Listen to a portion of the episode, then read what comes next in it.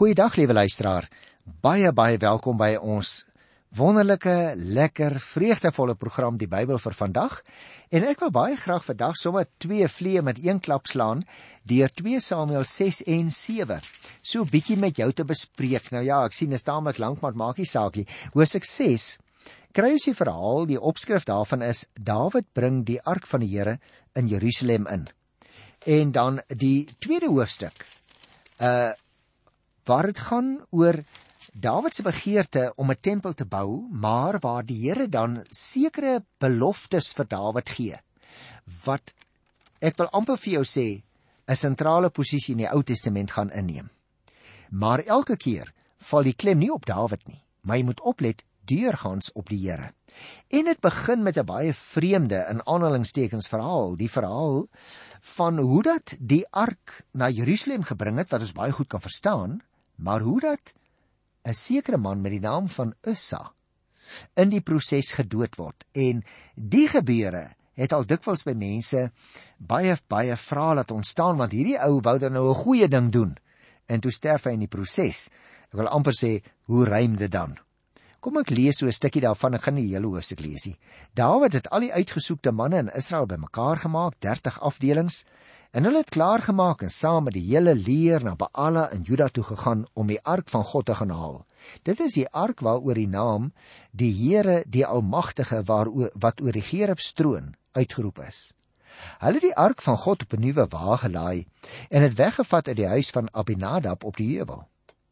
Ussa en Agju, die seuns van Abinadab, het die wa waarop die ark van God was gedrywe. Agju het voor die ark geloop.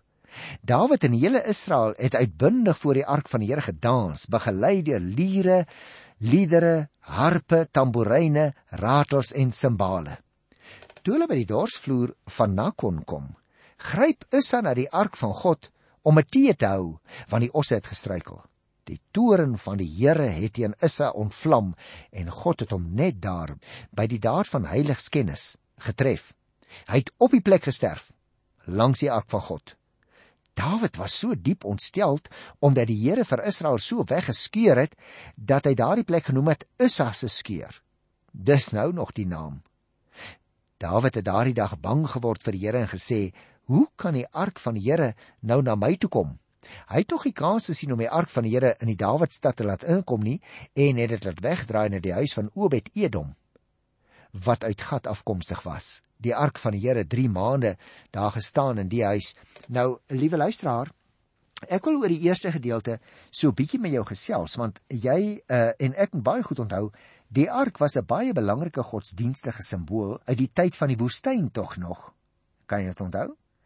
Dit was die simbool van God se teenwoordigheid en van God se heiligheid onder die mense. En daarbey het dit ook vir die noordelike stamme besondere waarde ingehou. Deur dus nou die ark na Jerusalem toe te bring, bereik Dawid drie belangrike oogmerke. Nommer 1. Hy maak die stad ook die godsdienstige middelpunt van sy ryk. Jy sal onthou dat ek gesê het Dawid moes soek na 'n politieke hoofstad, maar daar was een vereiste. Dit moes 'n neutrale stad wees, anders kan een stam belangriker voel as die ander. Daarom het Dawid die Jebusitiese stad, Jerusalem waar die Jebusiete gewoon het, wat nie aan die Israeliete behoort het op daar staan nie, het hy in sy persoonlike leiwag daardie vesting ingeneem. Toe was Jerusalem nou die neutrale politieke hoofstad. Maar nou wil hy hê dat noord en suid, al die stamme saam, saamgesnoer word. Ons het 'n vorige keer gepraat oor die besondere rol wat Dawid in sy persoon gespeel het. Maar nou gaan hy 'n stapie verder. Nou wil hy Jerusalem moet nie net die politieke hoofstad wees nie, maar dit moet ook die godsdienstige hoofstad wees. En om daarin te kan slaag, wil hy die simbool van God se teenwoordigheid, naamlik die verbondsark, na Jerusalem toe bring. Die tweede rede is hy verbind die nuwe monargale stelsel aan die ou tradisies van Israel. Met ander woorde, hy wil sê ons begin wel met 'n staat, nuut hier in Jerusalem, die sentrum, maar onthou, ons wortels is baie belangrik. Ons godsdienstige wortels is baie belangrik. Daarom moet ons die ark hier hê. Die simboliek van die ark sou dus 'n baie prominente rol speel in Dawid se hele termyn van regering. En derdens, hy bind die lojaliteit van die noordelike stamme ook aan Jerusalem. Miskien was dit vir die suidelike stamme makliker want uh, die Jebusitiese stad het tog aanvanklik binne hulle grense gelê hoewel dit nie hulle sin was nie, maar dit was geografies nader. Daarom bind hy nou die noordelike stamme wat verder na die noorde lê ook aan Jerusalem, maar die uh, begronding daarvan is die teenwoordigheid van die Here. Daarom word die ark as dit ware van buite ingebring in Jerusalem wat dan voorheen aan die Jebusite wat 'n klomp Kanaaniete was, behoort het en kry Jerusalem daarmee 'n godsdienstige sanksie vir al die stamme. Ek wil ook graag uh wys as ons nou toe ons nou daar gelees het van die 6ste vers af nê uh hoe dat die ouens wat uh, nou die ark moes gaan haal met die wa in 'n situasie kom waar die osse struikel en dan gryp Issa na die ark. Hulle bedoel om die ark te hou dat hy nie val nie. En dan tref die toren van die Here vir Issa net daar op die plek en hy sterf daar langs die ark van God. Nou, liewe luisteraar, oor die dood van Issa bestaan daar baie opvattinge hoor.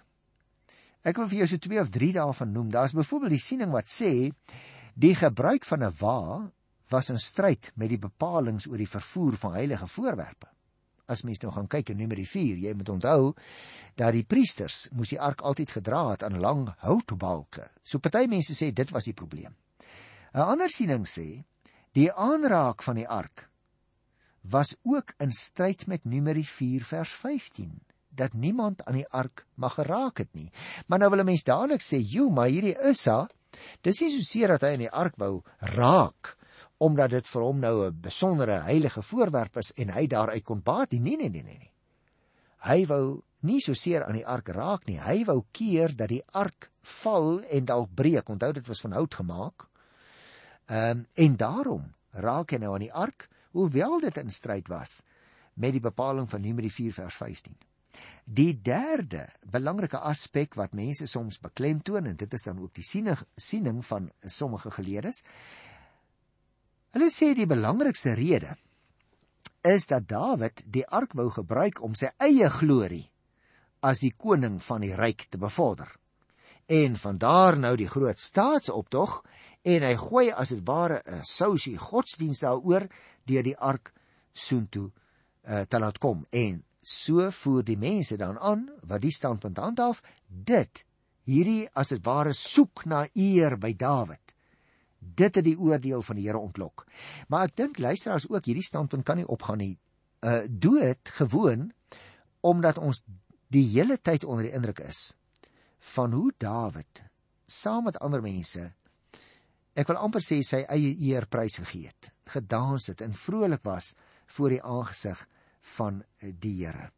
So dan moet iets anders ook hier wees wat ons dink ek nie moet miskyk nie. En daarom wil ek nog 'n bietjie by hierdie hele saak stil staan van die vraag: Waarom het die Here vir Issa wat die ark wou keer toe dit val, doodgemaak? Miskien moet ons raak lees in die eerste vers wat ek gelees het, wil ek uitwys dat krygsmanne Nou ja, volgens 'n ou Griekse vertaling van die Ou Testament wil ek miskien net sê daar was so 'n invoegsteltjie gemaak dat daar 70000 manne was wat gegaan het om die ark te haal, maar ek ek wil nou nie sê dit is korrek nie want ons lees dit nie in die Bybel nie. Maar let op. Dawid wil daar 'n hele heilige plegtigheid van hierdie geleentheid maak.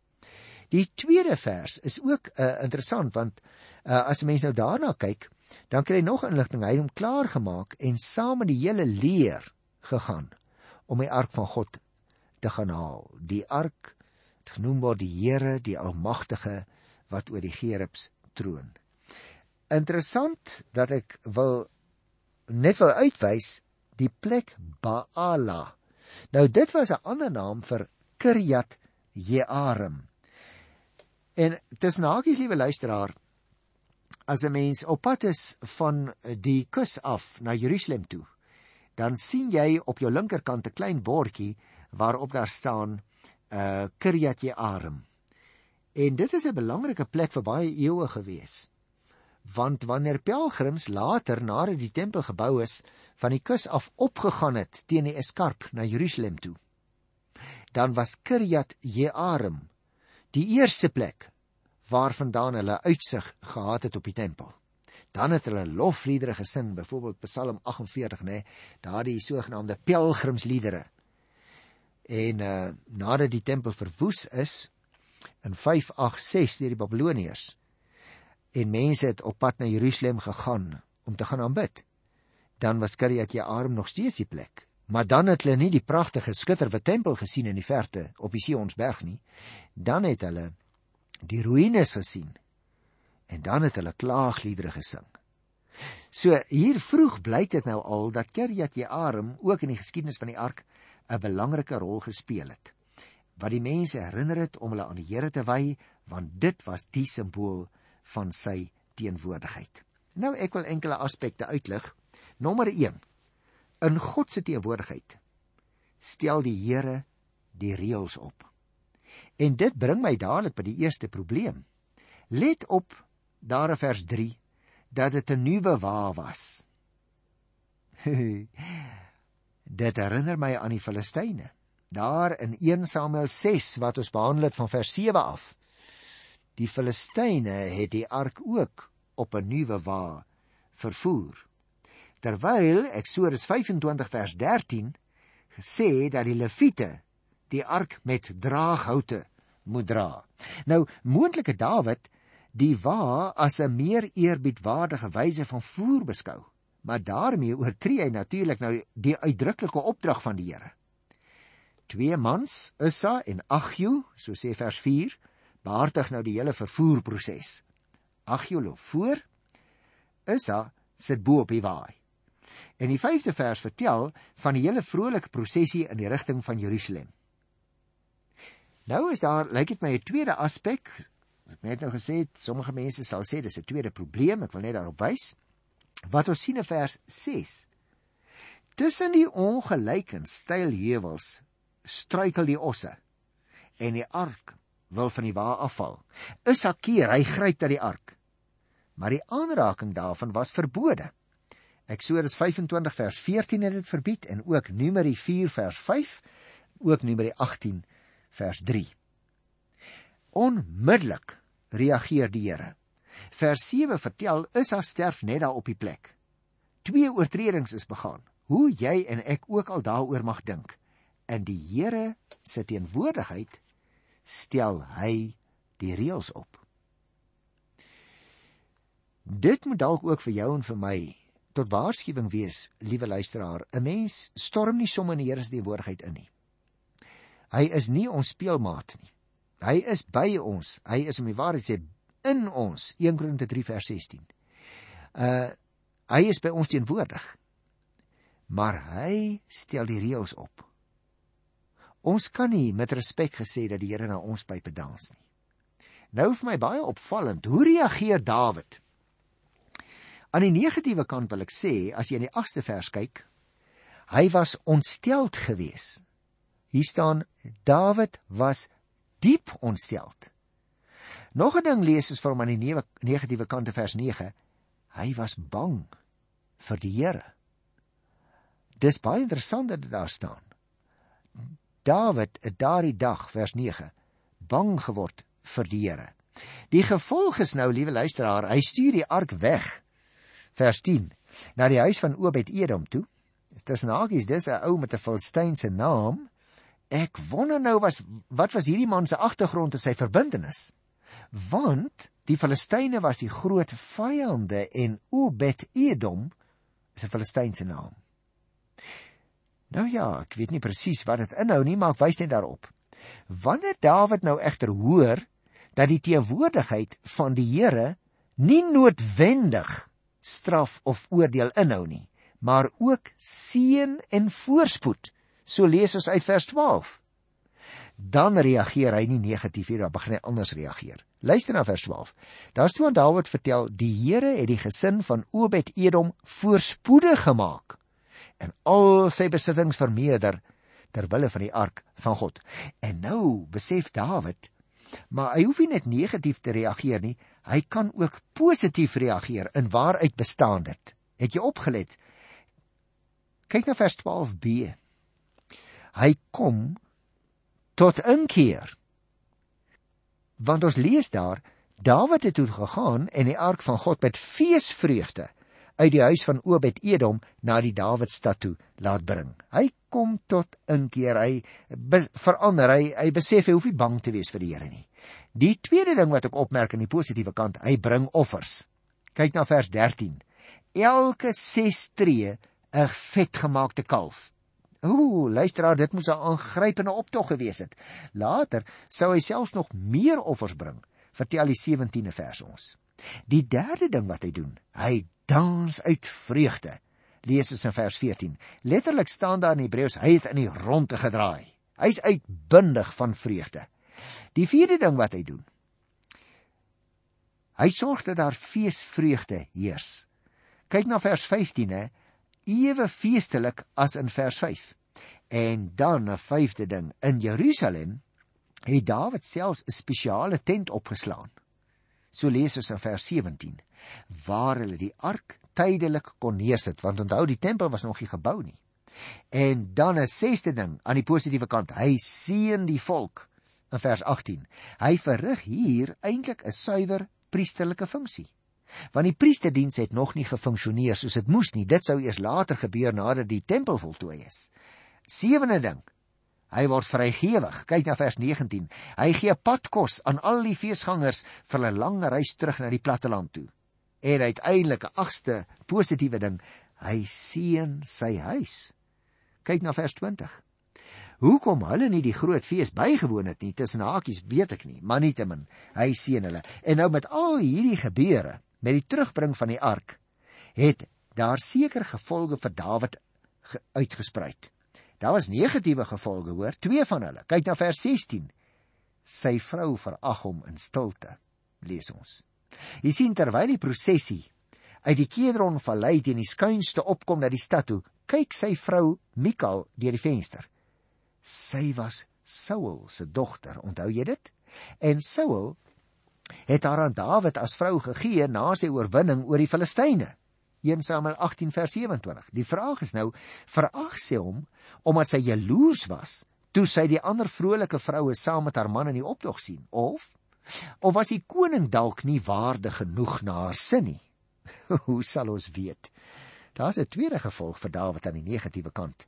Vers 20b vertel haar van van smaad en van verwyd wat sy openlik in haar man se rigting slinger.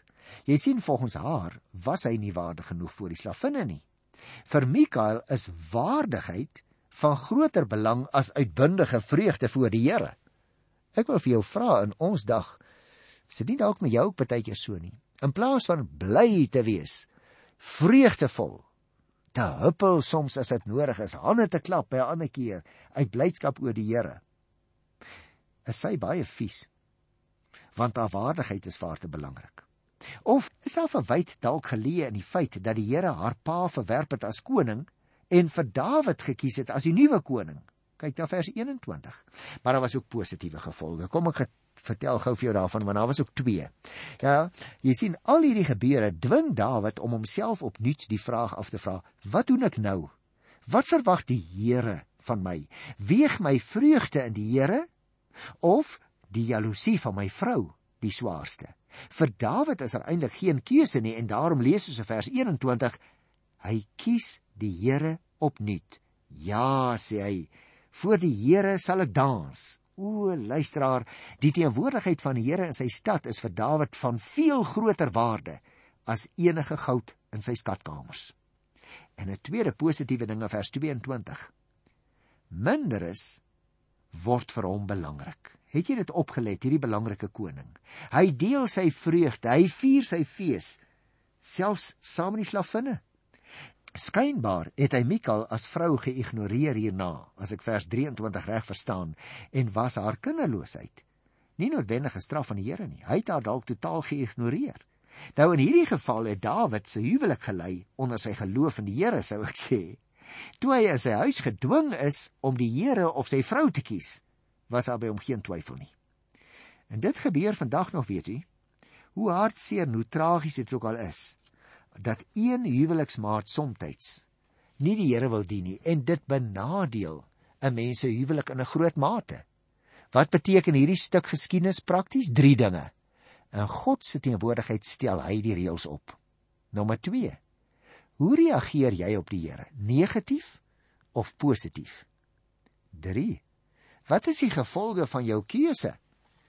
Baat jou gesinslede daarbey wanneer jy die Here dien? Ek wil net wys in die 7de hoofstuk wat ek beloof het ons sal doen op een van die belangrike gedeeltes. Naamlik hoe dat die Here vir Dawid belangrike beloftes gee. Jy sien, hy het die Here gedien, hy het die Here geëer hier in die 6de hoofstuk. En die Here kom en hy reageer nou en hy gee vir hom baie baie belangrike beloftes. Liewe luisteraar, ek wil graag spesifiek wys by 2 Samuel 7 van die 12de vers af, waar die Here vir hom beloftes gee wat so sentraal staan dat dit in die Nuwe Testament nog deurgedra word. Wanneer jy te sterwe kom en jy by jou voorvaders is, sal ek een van jou nageslag jou eie seun koning maak en aan hom 'n bestendige koningskap gee. Hy sal vir my 'n huis bou en ek sal sy koningskap vir altyd laat voortbestaan. Ek sal vir hom 'n vader wees, hy sal vir my 'n seun wees. As hy ontrou is, sal ek mense gebruik om hom te straf, om te kastei. En nou luister, nou moet ons baie mooi luister.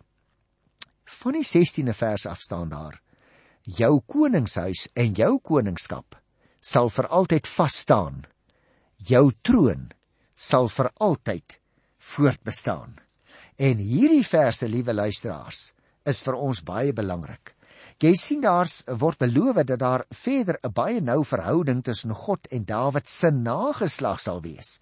Dit geld vir Dawid se seun, maar ook vir sy verdere nageslag. Dawid se let op koningshuis sal nooit so Saul se huis finaal verwerp word nie.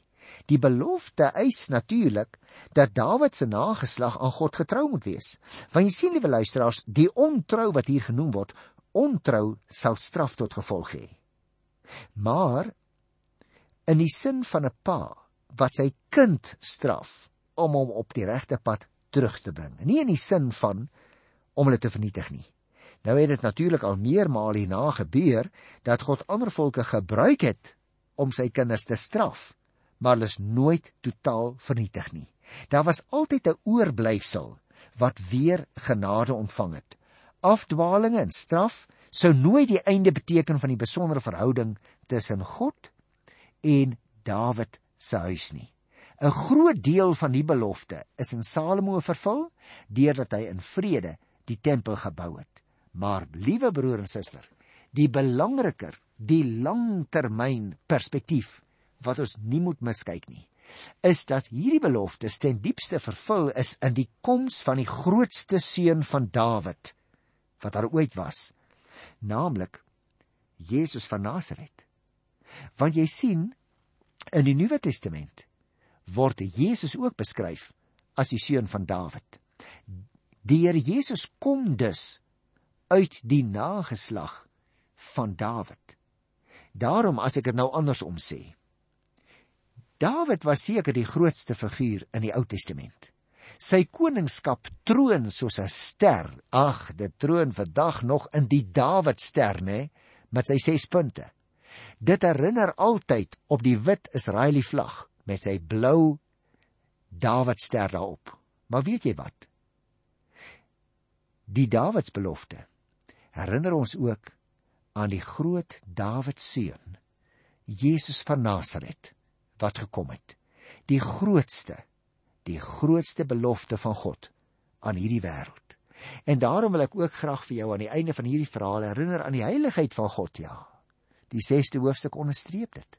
Maar die 7de hoofstuk herinner ons ook aan die langdurigheid, aan die altyd geldigheid van God se beloftes en daardie beloftes het die hoogtepunt bereik met die koms van die groot seun van Dawid Jesus van Nasaret en daarom is dit in sy wonderlike wonderlike naam dat ek jou vandag groet wees gegroet liewe luisteraar in die naam van Jesus Christus, die ewige koning. Tot volgende keer. Totsiens.